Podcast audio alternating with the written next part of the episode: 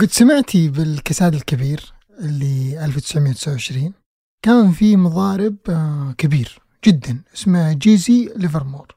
الكساد هذا صار فيه هبوط حاد للأسهم بشكل مو طبيعي لدرجة وصلت البطالة 25% الناس بدأت تفلس. أسرة آه، جيسي ليفرمور يوم سمعوا الأخبار آه، قاموا يبكون يعني. عرفوا إنهم بيستقبلون أبوهم وهم وهو يعني آه، تعبان. العجيب هو جاهم وقال لهم أنا أغنى من أي وقت مضى. جيسي راهن على عكس اتجاه الأسهم. وربح فعليا في هذيك الأيام حدود ثلاثة مليار دولار بفلوسنا اليوم. ربح يعني مخيف. العجيب إنه استمر في المراهنات هذه والاستثمارات الخطيرة مرة لين فلس تماما في عام 1933 وبعدها انتحر.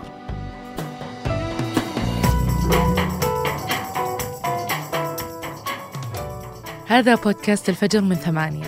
بودكاست فجر كل يوم نسرد لكم فيه سياق الأخبار اللي تهمكم. معكم أنا وفاء عبد العالي. وأنا تركي القحطاني الخبر اليوم عن تدشين المنطقة اللوجستية المتكاملة في مطار الملك خالد الدولي.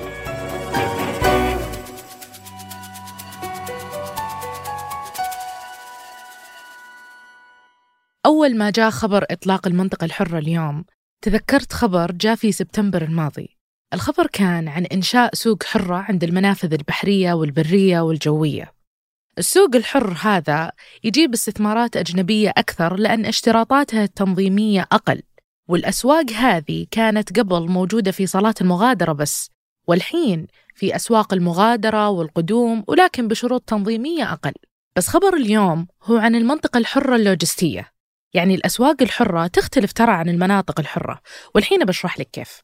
الأسواق الحرة تبيع للأفراد منتجات شخصية زي اللي نشوفها في المطارات. أما المنطقة اللوجستية هي مكان يمثل محطة في رحلة شحن المنتجات فيكون فيها القدرات والبنية التحتية اللي يحتاجونها عشان ينقلون البضائع يعني مثل منطقة جبل علي في الإمارات وترى غالبا يكون قريب من مركز لوجستي زي مطار أو ميناء الفكرة من المناطق اللوجستية هذه قديمة جدا.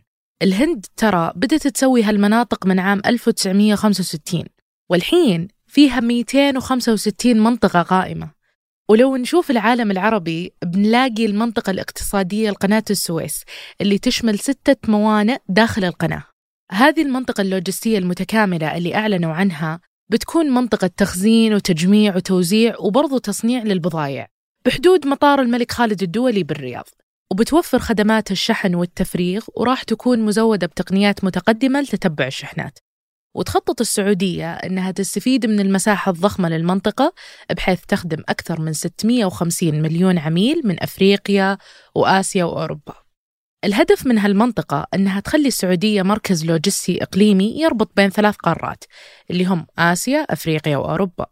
حتى أن شركة آبل بتكون أول شركة عالمية راح تستثمر فيها. وبتسوي مركز توزيع للشرق الأوسط. واليوم في عدة مناطق لوجستية في المملكة بمطارات جدة والدمام وبالإضافة إلى ثلاث مناطق لوجستية بموانئ جدة والملك عبد الله والملك عبد العزيز لكن اللي يميز المنطقة اللوجستية المتكاملة هو موقعها الاستراتيجي والمزايا اللي فيها وأيضا كونها منطقة حرة لها قوانينها الخاصة.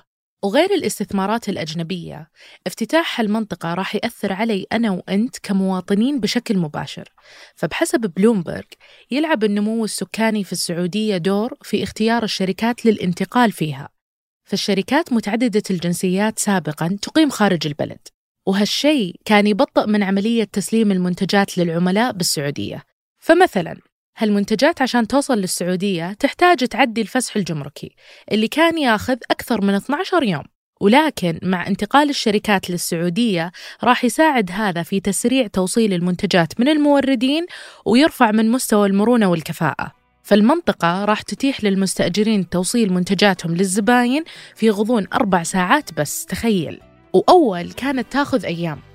وهالشيء يعني تكلفة ووقت أقل مقارنة بشحن المنتجات من خارج السعودية. قبل ننهي الحلقة في كم توصية لنهاية الأسبوع.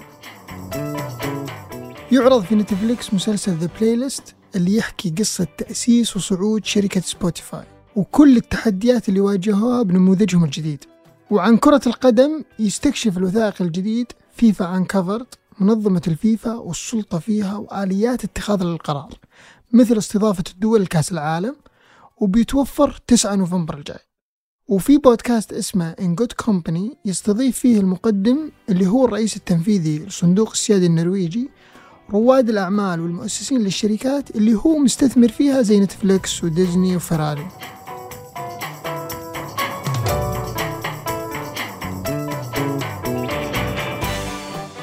أنتج هذه الحلقة عمر العمران وتركي البلوشي وأشرفت عليها سحر سليمان وقدمتها أنا وفاء عبد العالي. وأنا تركي القحطاني وحررها محمود أبو ندى. نشوفكم فجر الأحد.